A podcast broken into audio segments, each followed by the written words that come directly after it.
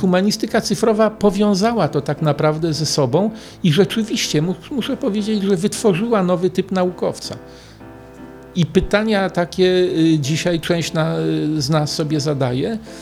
Czy my jesteśmy marginesem w stosunku do głównego nurtu, czy my jesteśmy awangardą w stosunku do, do, do, do, do tego głównego nurtu, czyli do tej takiej ogromnej masy, nie wiem, polonistów, anglistów, historyków, socjologów itd., y, itd. Tak I tak jesteśmy z jakiegoś powodu wyjątkowi? Chyba nie. Natomiast jednak trochę się od nich różnimy właśnie takim bardzo holistycznym, kompleksowym myśleniem, które jest jednocześnie podparte y, kompetencją, bo, bo inaczej się nie da. Czy współczesna polska humanistyka powinna szukać swoich superbohaterów? O czym i jakim głosem zechcą do nas mówić? Jak bardzo bywają dla nas niezbędni, a jednocześnie ukryci w gąszczach rynkowej ekonomii, parametryzacji i bieżących powinności? Profesor Adam Pawłowski. Głosy humanistyki. Tym razem poszukiwania bohatera humanistyki zaprowadziły nas na ruchliwe wrocławskie osiedle. W nieco oddalonym od centrum, wielopiętrowym bloku mamy spotkać się z naszym kolejnym rozmówcą. O ustalonej wcześniej godzinie profesor wygląda przez okno i macha nam na powitanie. Dzwonimy domofonem, który wydaje z siebie krótki sygnał – a następnie otwieramy drzwi prowadzące do niepozornej klatki schodowej. Podczas pokonywania pięter towarzyszy nam zapach świeżo przyrządzanego obiadu unoszący się w całym budynku. Od razu po przekroczeniu progu czujemy ciepło i komfort. Witają nas drewniane podłogi, zadbane roślinki i ciepłe barwy. Wszędzie dookoła znajdują się oprawione w ramki rodzinne zdjęcia. W środku panuje przyjemna, naturalna cisza – Przerywają dopiero odgłos zegara, który wybija rozpoczęcie nowej godziny, a następnie powraca do rytmicznego tykania. Mieszkanie ma dwa piętra. My jednak zostaliśmy zaproszeni do kuchni znajdującej się zaraz obok wejścia. Profesor zdradził nam, że nie ma miejsca, które wiązałby bezpośrednio z tworzeniem naukowych idei. Pomysły mogą do niego przyjść w każdym miejscu i okolicznościach. Gospodarz zaproponował nam pyszną kawę i wskazał miejsce przy stole przykrytym ozdobną ceratą. Przez uchylone okno wpada chłodne, wieczorne powietrze. Towarzyszą nam odgłosy dużego miasta. Kawa została podana w pięknych, kwiatowych filiżankach. Pijemy kilka łyków, rozkładamy sprzęt i zaczynamy nagrywać. Tym, co uruchamia kreatywne myślenie, co jakoś tam wprowadza mnie na nowe ścieżki myślenia, jest relaks. I relaks można osiągnąć w różnych miejscach. Bardzo dobrym miejscem do tego jest Polana Jakuszycka, Góry Izerskie, y, zima, biegówki. To jest zupełnie y, wyjątkowy moment. I rzeczywiście tam, daleko od zgiełku miasta, y, zdarza mi się wpadać na jakieś dziwne pomysły. Ale to jest tylko połowa tej historii, dlatego że pomysł trzeba później y, skonkretyzować, jakoś rozwinąć. No i to akurat y, wymaga czegoś zupełnie innego, a mianowicie wymaga rozmowy i wymaga ruchu. Ruchu prostego, chodzenia. Nie wiem, czy to normalne, czy to jest coś wyjątkowego, ale mnie dość trudno jest myśleć y, w pozycji siedzącej i nieruchomej.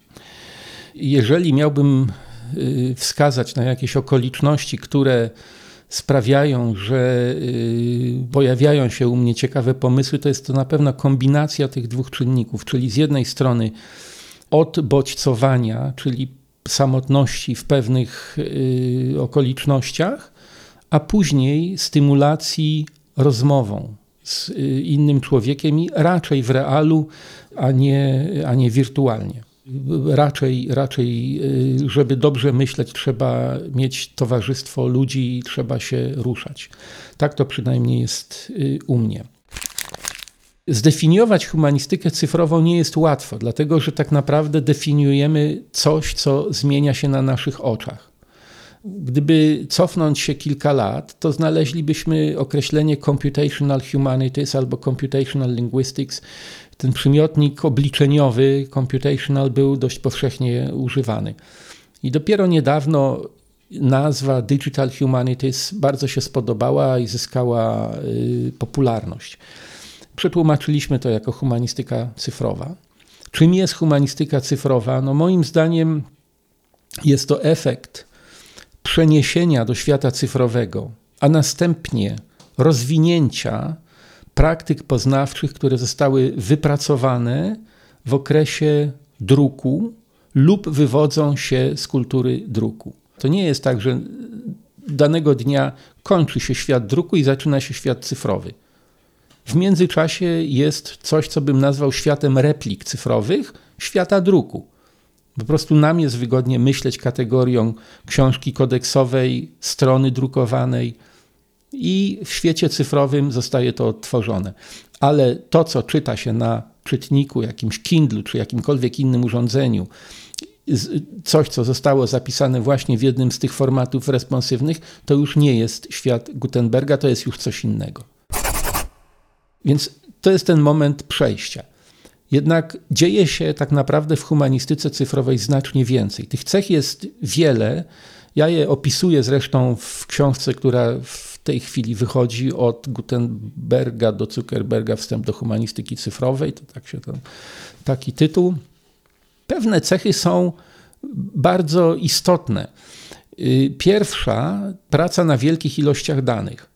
W przypadku Y, y, epoki gutenbergowskiej tak naprawdę te dane były, natomiast trudno powiedzieć, że człowiek na nich pracował. To znaczy nie da się pracować na zbiorze na przykład 100 tysięcy albo 500 tysięcy wolumenów.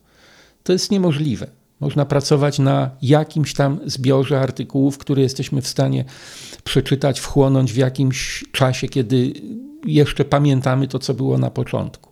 Natomiast w przypadku humanistyki cyfrowej nie ma tych ograniczeń. Można pracować na praktycznie dowolnych wolumenach danych. I ta cecha, po angielsku się to nazywa big data, tłumaczona potocznie jako wielkie dane. Dane nie są wielkie, to już, jak już to mówimy o wielkich ilościach danych, jest jednym z wyróżników humanistyki cyfrowej. Ale to jest tylko ilość. Ważniejsza jest jakość. Jeśli chodzi o jakość, tutaj jest taka cecha określana znowu z angielskiego, to się nazywa linked open data, czyli powiązane dane otwarte. Co się kryje za tym? Kryje się wiązanie ze sobą różnych zbiorów danych, różnych pod względem formatu i powiedziałbym yy, wymiaru rzeczywistości w jednym systemie w jednym środowisku. Wyobraźmy sobie na przykład biogram. Prosta rzecz. Występowała również w okresie druku słownik biograficzny, imię, nazwisko, zdjęcie, opis. W takim opisie między innymi pojawią się nazwy miejsc, no bo na przykład ktoś gdzieś się urodził, gdzieś pracował. W takim opisie pojawią się nazwiska innych ludzi. Ktoś na przykład miał rodziców, no to się wymienia, kim byli ci rodzice, współpracowników. Pojawia się grafika. No jeśli to jest biogram, no to można sobie wyobrazić, że taka osoba zostawiła po sobie oprócz zdjęć nagranie swojego głosu. I teraz w świecie papierowym jest to zatomizowane. To znaczy, owszem, możemy znaleźć skorowic, odsyła, czy jakoś tam można się poruszać po y, jednym tomie, nawet po kilku ale w świecie cyfrowym można wiązać ze sobą całe bazy danych. Więc wyobraźmy sobie, że tą bazą danych jest mapa. No mapa jest taką bazą danych, ponieważ to jest przestrzeń dwuwymiarowa i na to są ponakładane różne nazwy konkretne. No i teraz wiążemy te nazwy, które pojawiły się powiedzmy w jakimś biogramie z mapą. Możemy rzutować na mapę takie nazwy. Yy, mamy inne słowniki biograficzne, a więc możemy rzutować nazwisko na jakiś inny zasób. Ale mamy coś jeszcze, mamy daty. No bo ktoś się na przykład urodził, podana jest data, y, data urodzenia, y, podane są daty jakichś tam zdarzeń. A więc mamy jeszcze możliwość rzutowania tych danych na oś czasu.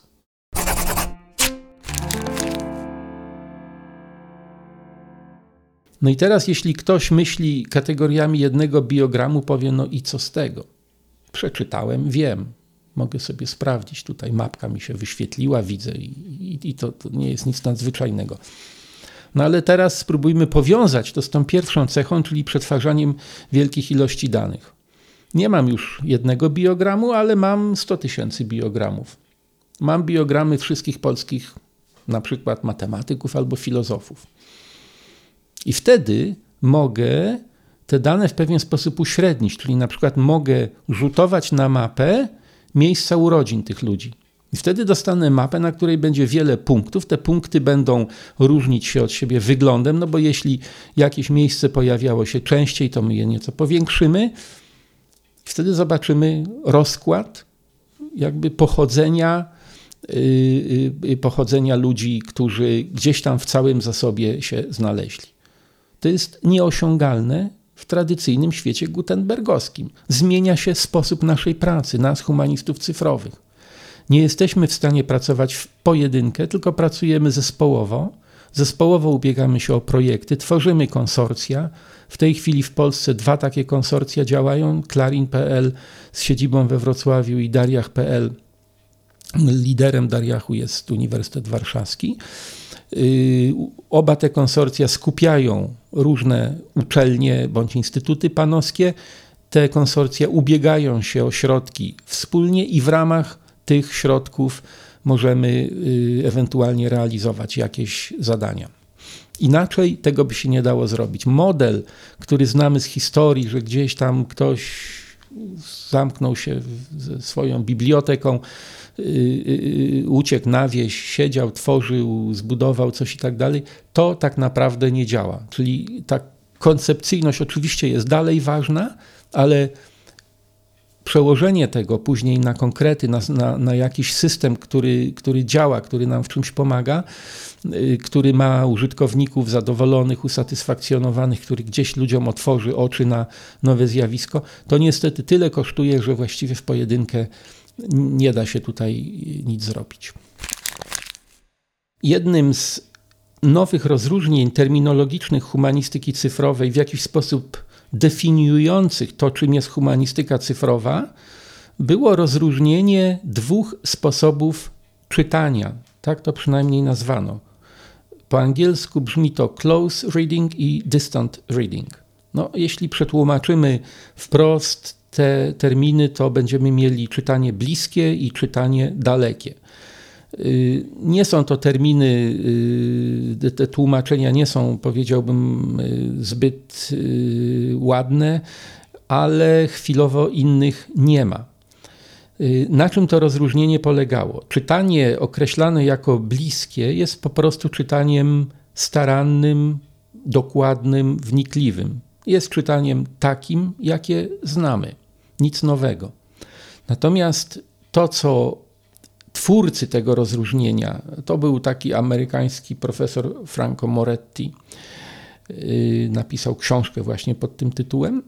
To, co określano wtedy na początku i do dziś określa się jako distant reading, czytanie odległe, tak naprawdę jest analizą danych i wydobywaniem z tych danych tego, co użytkownika interesuje.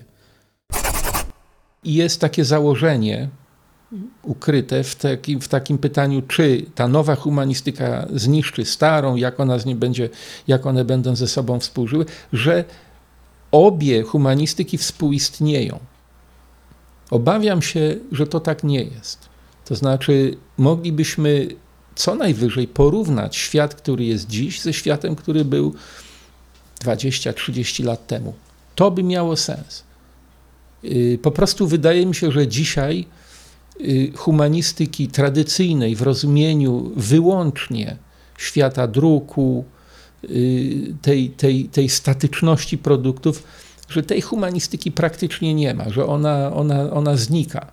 To jest może sprawa pokoleniowa, ale tak naprawdę to y, wszyscy dzisiaj w jakimś stopniu wykorzystują narzędzia cyfrowe. Różnica jednak między podejściem cyfrowym i tradycyjnym jest, i ta różnica występuje raczej w odniesieniu do bardzo dobrych, nowych rozwiązań. Otóż człowiek jest istotą bardzo konserwatywną. Człowiek żyje pewną inercją. Popatrzmy na to przez przykłady. Jeśli się chce nakręcić dobry film, to co ten film ma tak naprawdę opowiadać? Ma opowiadać starą historię, którą ci ludzie znają. Tylko trzeba przebrać w inne stroje. Królewne, kopciuszka, jakiegoś syna marnotrawnego, jakiegoś nawróconego łotra. To są takie motywy. Także praktycznie y, y, większość takich produkcji to jest powtarzanie tych samych schematów, ale w innych konfiguracjach. I oczywiście od czasu do czasu zdarzają się zmiany. Zdarza się jakiś taki nowy element, wprowadza się te nowe elementy łagodnie, żeby nie zniechęcić widza. No i oczywiście naukowcy powiedzą: Nie, nie, nas to nie dotyczy. My jesteśmy kreatywni, my jesteśmy innowacyjni. No nic podobnego, to jest kompletna bzdura. Naukowcy są tak samo y, inercyjni y, jak wszyscy inni ludzie. Więc różnica jest, tak. I to jest pytanie, które wiele osób sobie stawia, na ile my jesteśmy w nurcie naszych dyscyplin, a na ile się od tego dystansujemy, albo oni nas od tego dystansują, uważając, że to są jakieś nowinki. Aby nie być gołosłownym, yy, chciałbym podać przykład web serwisu, który akurat mam zaszczyt i przyjemność tworzyć. To jest web serwis o nazwie Chronopress. Y, rozwijamy go w ramach konsorcjum Clarin.pl, no i w pewnym sensie y, widać tam właśnie cechy y, humanistyki cyfrowej, te, te o których wspominałem. No więc po pierwsze, oszczędność, finanse, bardzo wysokie koszty. Serwis tworzymy nie na podstawie całych czasopism czy gazet, ale metodą reprezentatywną. Czyli, że wybieramy fragmenty z tych, y, z tych właśnie periodyków, które ukazywały się w kolejnych latach. Y, jest to o tyle uzasadnione, że jeżeli zgodzimy się na to, że jakieś zjawisko było obecne w dyskursie publicznym, to nawet praca na fragmentach pozwoli to zjawisko odnotować. Natomiast oczywiście to nie jest to samo, co czytanie całych tekstów, całych numerów gazet. No więc ten korpus powinien y, pokryć, taka, taki był plan, taka była moja intencja, 100 lat niepodległości. W tej chwili mamy dane za lata 1945-66. Te dane są publicznie dostępne i do, tworzymy kolejne lata, w jakichś tam częściach są to już dane do roku 1970. Jednocześnie pracujemy nad y, prasą z okresu wojennego, czyli prasą gadzinową, a więc prasą wydawaną przez okupanta niemieckiego w języku polskim i też przez y, Sowietów do roku 1941. Korpus zawiera w tej chwili około 40 milionów wyrazów, więc jest to korpus średniej wielkości. Te dane ujęte są w około 140 tysiącach próbek. No, korpus średniej wielkości, ale dane są bardzo dobrze anotowane, więc tutaj wprawdzie nie ma takiej wielkości jak w korpusie na przykład narodowym, natomiast anotacja bardzo pomaga, czyli każda próbka jest oznaczona nazwiskiem autora. Jeśli było podane tytułem artykułu, tytułem czasopisma, do tego dochodzi data i w większości staraliśmy się umieszczać obieg, no, to jest w wielu, w większości wypadków y, obieg oficjalny, czyli pierwszy. I jeszcze ekspozycję, a więc, żeby rozróżniać artykuły ze stron tytułowych i yy, środka. Korpus jest ponadto anotowany lingwistycznie wewnątrz. Po co? Po to, że gdyby ktoś na przykład szukał kontekstów użycia jakiegoś wyrazu, niech to będzie wyraz dom, to powinien wpisać tę formę i znaleźć wszystkie formy odmienione, a więc dom, domu, domowi, domem i tak dalej. Więc też taka procedura tam y, była, była przeprowadzona, to jest anotacja morfosyntaktyczna. Oczywiście ze wszystkimi problemami, no bo wyobraźcie sobie Państwo, co system ma zrobić z niektórymi wyrazami, niech to będzie wyraz studio, studia no, studio filmowe ma liczbę mnogą studia. Studia jako, jako studiowanie nie ma liczby pojedynczej, więc automatyczne rozróżnienie tego nie jest proste. I serwis taki pozwala między innymi na wyświetlenie szeregu czasowego, to znaczy pokazanie, jak frekwencje wyrazów zmieniały się w czasie. Brzmi to może technicznie mało zachęcająco, no ale proszę sobie wyobrazić, że na przykład sprawdzamy wyraz wigilia. No i okazuje się, że wigilia z dyskursu publicznego zniknęła w Polsce w roku 1949. Przez kilka lat w prasie oficjalnej tego wyrazu nie było. A jeśli był, to było go bardzo niewiele, bo tak jak mówię, pracujemy na próbkach i wiadomo, coś mogło się gdzieś tam prześlizgnąć. Poza tym no, wychodziły takie czasopisma jak Gość Niedzielny i Tygodnik Powszechny. Tyle tylko, że one miały dość ograniczony zasięg. Gdybyśmy wygenerowali szereg czasowy takiego wyrazu jak Katowice, nazwa miasta, to się okazuje, że ta nazwa znika w 1953 roku i przez około 4 lat nie ma Katowic. Występuje tylko jako nazwa historyczna, czyli jeśli ktoś się w owych Katowicach urodził dawno, dawno temu, no to nie piszą, że się urodził w Stalinogrodzie. To jest, działa niesamowicie na wyobraźnię, pokazanie, jakie są mechanizmy propagandy, jakie, jakie były wtedy mechanizmy propagandy.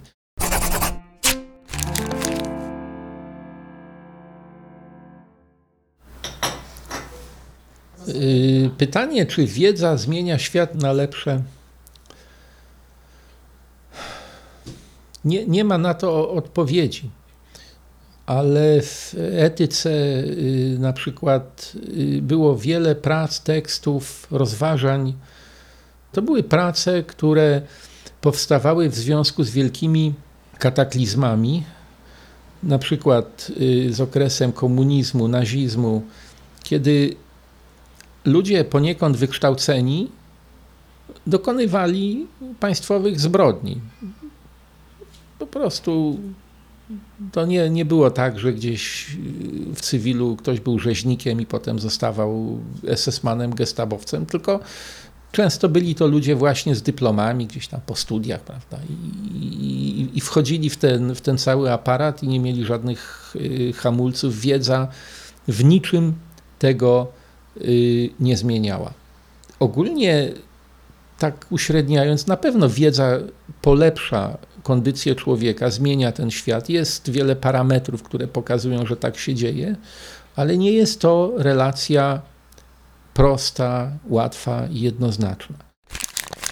Teraz, jeśli mówimy o humanistyce, to jest to ogromny dylemat, dlatego że zarabiamy mało, nie mamy środków na badania. Chcemy te środki pozyskiwać.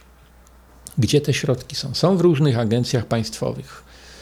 Oczywiście są też w firmach, ale tam są pewne wymogi. Te wymogi mówią: dobrze, pokaż, jak produktywny jesteś, bądź produktywny, bądź wydajny, pokaż perspektywy gospodarcze, pokaż zastosowania. I właściwie za każdym razem musimy to w jakiś sposób udowadniać. I problem humanistyki polega na tym, że nigdy nie działa ona w krótkim okresie. Nie ma krótkiego horyzontu. Czyli, że jeżeli jest sytuacja wynalezienia szczepionki na jakąś chorobę, to wszystko jest jasne. Laboratoria, testy, laboratoria, testy, produkt. Dwa lata, trzy lata, pięć lat gotowe i działa. A proszę sobie teraz wyobrazić, jak ma wyglądać tego typu działanie z punktu widzenia kogoś, kto jest po prostu y, y, wykładowcą, wykłada na przykład historię literatury, albo wykłada, nie wiem, historię doktryn politycznych, albo y, jakieś przedmioty związane ze społeczeństwem. Ktoś taki tak naprawdę inwestuje długoterminowo, to znaczy ten ktoś tworzy produkt. Tym produktem jest student, czytelnik prac, jakiś wychowanek, może to być ktoś na studiach doktoranckich, kto później korzysta z tej wiedzy przez całe życie. A więc to jest swego rodzaju kapitał, który może się zwrócić za lat 40, albo 30, albo 20, a nie za rok. Więc to jest pierwszy problem. Po, po to humanistyka jest, żeby tworzyć takie produkty w cudzysłowie. No, tymi produktami są ludzie, ich y, umysły, ich sposób widzenia świata, które zagwarantują dobre funkcjonowanie społeczeństwa, spokój społeczny, rozwój, ale w długiej perspektywie. I to wszystko są niemierzalne parametry. Ogólnie to powiem tak, że cyfryzacja będzie postępować. Nie, nie ma w ogóle odwrotu, to w ogóle nie ma, nie, nie ma o czym dyskutować. I żeby ta wiedza miała sens, to właściwie powinno to iść dwoma kierunkami. To znaczy, z jednej strony musi iść przejmowanie różnych rozwiązań ze świata, adaptacja po prostu do, do y, otoczenia, bo to się po prostu dzieje. Tam są dobre pomysły również, dobre, złe. Musi iść kształcenie i musi być rozwój własnych kompetencji. I w efekcie po prostu społeczeństwo musi być świadome tego, jak działają różne narzędzia, jak y, funkcjonuje świat cyfrowy, jakie jest w tym miejsce tradycji, tradycyjnej kultury, tego całego dziedzictwa, które, y, y, które do nas dociera. Trzeba zdawać sobie sprawę z tego, że ta cyfrowość nie polega na tym, że zastępujemy to, co było czymś nowym, tylko raczej polega na adaptacji pewnych y, dawnych, dawnych treści, nie wiem, sposobów myślenia do tego nowego świata Trzeba widzieć to, co jest stare, to, co jest nowe, rozumieć to, nie bać się tego. Głosy humanistyki. Pytanie o relacje y, y, nauk ścisłych, nieścisłych, przyrodniczych, humanistycznych, społecznych jest pytaniem, moim zdaniem, sprowokowanym w sposób sztuczny przez y, naukę instytucjonalną. Nauka instytucjonalna lubi mieć porządek i zwykle nie przejmuje się realnością. To znaczy, jeśli nauka instytucjonalna z jakiegoś powodu ma uznać, że medioznawca uprawia nauki społeczne, to tak uzna, koniec kropka. No i nauka instytucjonalna zdecydowała nie tak dawno, że nie ma kulturoznawstwa. Było i nie ma. Następnie y, zdecydowała, że nauki o informacji nie są humanistyką, tylko są naukami społecznymi. I już. No ja się stałem reprezentantem nauk społecznych, choć byłem przez całe życie reprezentantem humanistyki. Więc to jest pierwszy problem. Y, problem drugi to jest to, czy y, tak naprawdę ma to jakieś odbicie w predyspozycjach człowieka. Y, czy jest coś takiego jak umysł humanisty, poety i tak dalej, i umysł inżyniera, matematyka. No i z tym też jest problem. Dlatego, że na przykład Tadeusz Kotarbiński pisał wiersze. Hugo Steinhaus pisał fraszki. Aczkolwiek był, był, był matematykiem.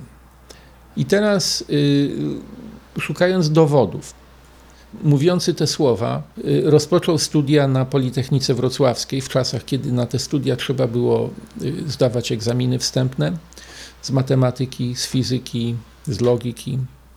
Tam logika nie była osobno, ale były takie zadania z y, indukcji, pisania dowodów i tak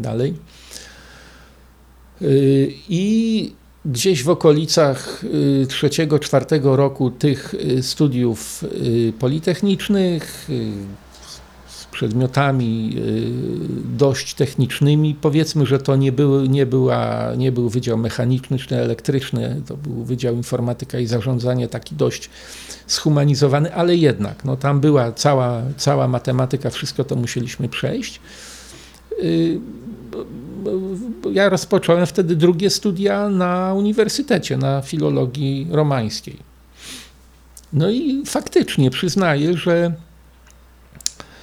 y, musiałem sobie pewne rzeczy w głowie poukładać.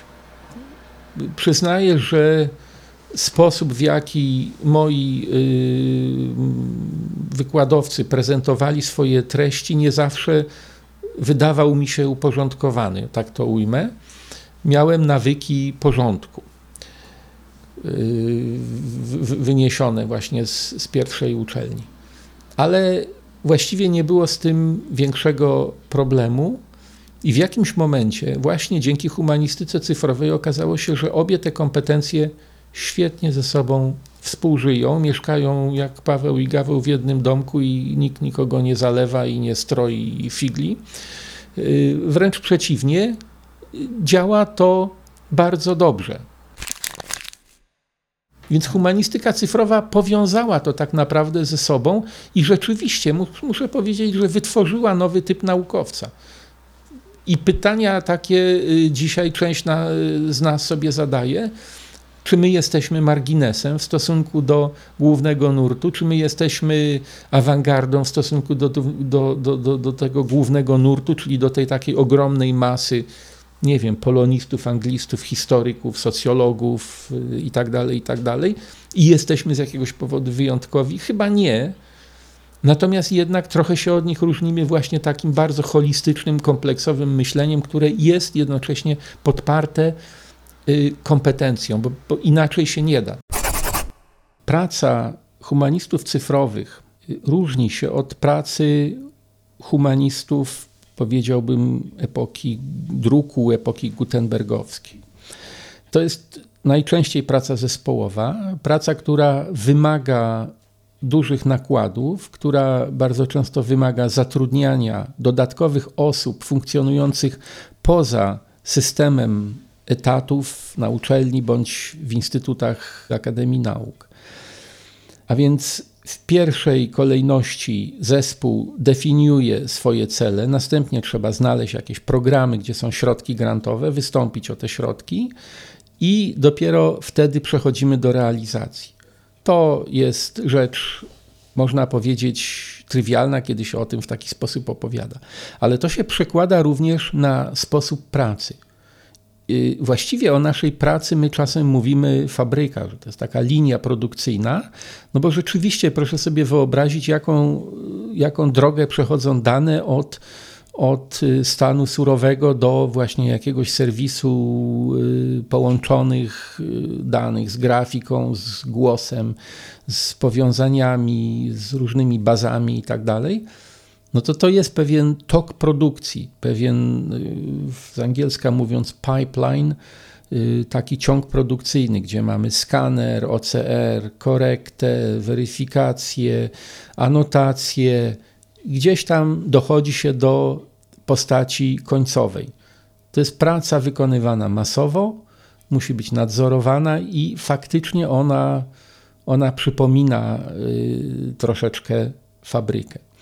Tak działają wszystkie zespoły znane mi, przynajmniej w ramach konsorcjów Klarin i Dariach. Głosy humanistyki. Czymś oryginalnym, ciekawym, y, czymś, co właściwie zaskoczyło samych autorów, był tezaurus sportu. Tezaurus jest to słownik hierarchiczny jakiejś dyscypliny. Zawiera terminy powiązane w pionowe drzewka zależności.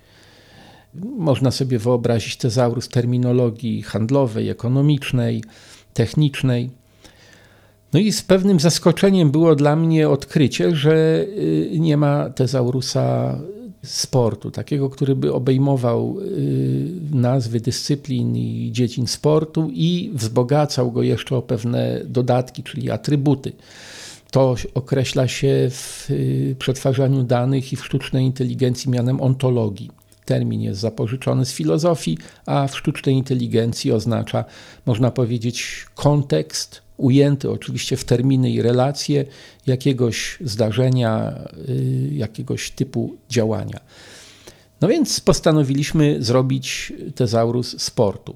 Znaleźliśmy oprogramowanie i udało się zbudować taki tezaurus na razie w wersji polskiej i w testowej wersji angielskiej. Tezaurus ma ponad półtora tysiąca terminów.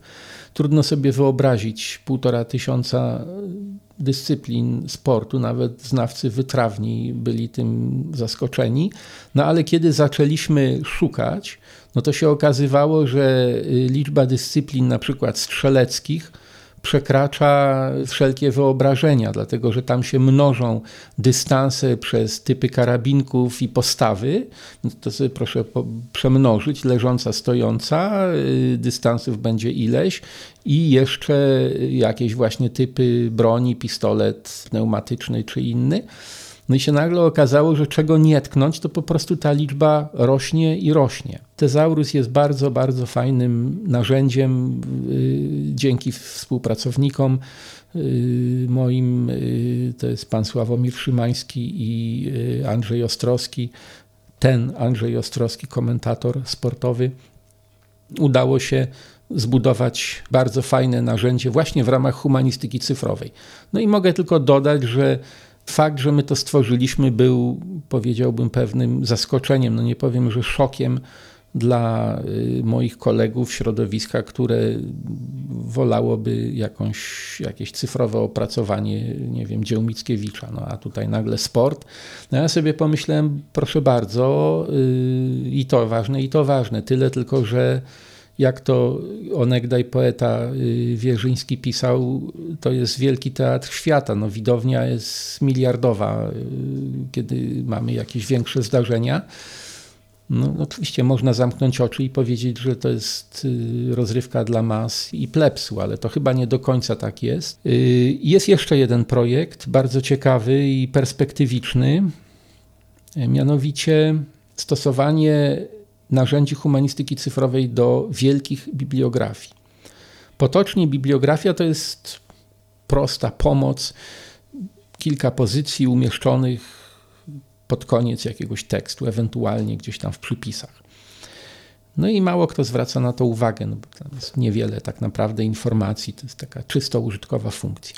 Ale proszę sobie wyobrazić wielkie y, bibliografie. To są bibliografie obejmujące całe dziedziny aktywności ludzkiej, ewentualnie w ogóle życia narodu. Jest taka kategoria jak bibliografia narodowa, więc spis wszystkiego, co państwo, naród, język to są już, to jest sprawa dyskusyjna, wytworzyły. Takie bibliografie zawierają miliony pozycji. I co ciekawe, nie są objęte prawami autorskimi, można je pozyskiwać legalnie i przetwarzać. No i Polska Biblioteka Narodowa stanęła na wysokości zadania. Jest, jest bibliografia wystawiona, tam są oczywiście jakieś zmiany. W każdym razie nam się udało te dane zdobyć, y, przetworzyć. I pomysł był taki, że spróbujemy rzutować dane bibliograficzne na mapę. To zrobiliśmy. Jest aplikacja, która działa, która pokazuje rozkład w czasie publikacji ujętych w katalogach Biblioteki Narodowej. To jest pewna różnica. Katalog Biblioteki Narodowej zawiera to, co Biblioteka Narodowa ma na półce, powinna mieć wszystko, czyli egzemplarze obowiązkowe Natomiast jeśli spojrzymy na to historycznie, to oczywiście tak nie jest, no bo Polski do 918 roku nie ma, tym bardziej nie ma Biblioteki Narodowej i te wcześniejsze zasoby są niepełne. No ale jednak jakieś są. No i my na tej podstawie stworzyliśmy taki serwis, który pokazuje niesamowite rzeczy. Na przykład pokazuje granice y, Rzeczpospolitej do 39 roku, to apogeum jest w 38. Tak naprawdę na podstawie punktów wyświetlonych można rozrysować granice Polski. W tych granicach nie ma oczywiście ziem zachodnich, sporadycznie pojawia się Wrocław, ponieważ tutaj książki polskie wychodziły praktycznie zawsze i ludzie używający polskiego byli, żyli no praktycznie do, do powstania III Rzeszy. Jest to serwis bardzo, bardzo wygodny. Na dodatek tam pod każdym punktem można kliknąć, wyświetlić wykres. Wykres, który pokazuje dynamikę publikowania w danym miejscu. I gdyby ktoś chciał zobaczyć, jak wygląda dynamika publikowania Wrocławia, proszę to zrobić, polecam. Proszę porównać Wrocław, Warszawę i Kraków na przykład z tych dużych miast. Wtedy się okaże, że yy, na przykład Warszawa w całej produkcji publikacyjnej osiągnęła maksimum w, na początku lat 50., rok 51, drugi, to jest y, można powiedzieć, ekstremum stalinizmu, centralizacji. Wtedy około 85% książek drukowanych w Polsce wychodziło w Warszawie. Region nie istniał. I co ciekawe, udział procentowy Warszawy od roku 1952 maleje praktycznie bez przerwy do dziś. Nie staje się Warszawa gorsza czy głupsza, broń Boże. Natomiast chodzi o to, że Polska składa się z regionów i ludzie w małych miejscowościach drukują książki wydają te książki, czy wydają je cyfrowo dzisiaj. I to zaburza właśnie proporcje. No i to jest perspektywiczne, ponieważ mamy zgromadzone dane z innych państw i chcielibyśmy zrobić to samo dla innych państw sąsiadów Niemcy, Czechy, Skandynawia. Tam, gdzie się stosuje alfabet łaciński, jest stosunkowo łatwo. Na razie nie myśleliśmy o tym, żeby się mierzyć z tymi zasobami, gdzie, gdzie jest na przykład cyrlica. I też nie wiem, czy one byłyby dostępne.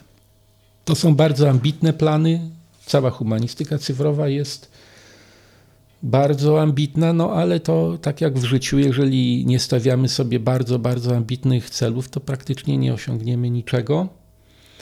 I według tych zasad staramy się pracować. Ja w każdym razie takiej zasady zawsze przestrzegałem i muszę powiedzieć, że jak na razie nigdy się na tym nie zawiodłem. Maja Pawłowska. Dzień dobry. Gdyby Pani mogła powiedzieć, jak Pani mąż wpada na jakiś pomysł, to co się wtedy dzieje? Cały czas wpada na pomysł. To jest osoba, która jest cały czas kreatywna. Także to się nie poznaje, że wpada, ma tysiąc pomysłów na minutę ciągle. No może po prostu jest tak kreatywny, że to nic nowego. Jestem do tego przyzwyczajona, że ciągle ma nowe pomysły. A czy dziadek dużo pracuje? Trochę rano pracuje. Na górze ma pracę. Głosy humanistyki. Głosy Humanistyki to naukowo-badawczy projekt, którego wynikiem jest seria wywiadów z 24 bohaterami nauk humanistycznych i społecznych. Przygotowali go dla Was doktor habilitowana Karina Stasiuk-Krajewska, redaktor Tomasz Wołoćko, Kamil Wardęga oraz Justyna Rogula. Projekt dofinansowany ze środków budżetu państwa przyznanych przez ministra edukacji i nauki w ramach programu Społeczna Odpowiedzialność 2. Dzisiejszy odcinek nagrany został w listopadzie 2023 roku.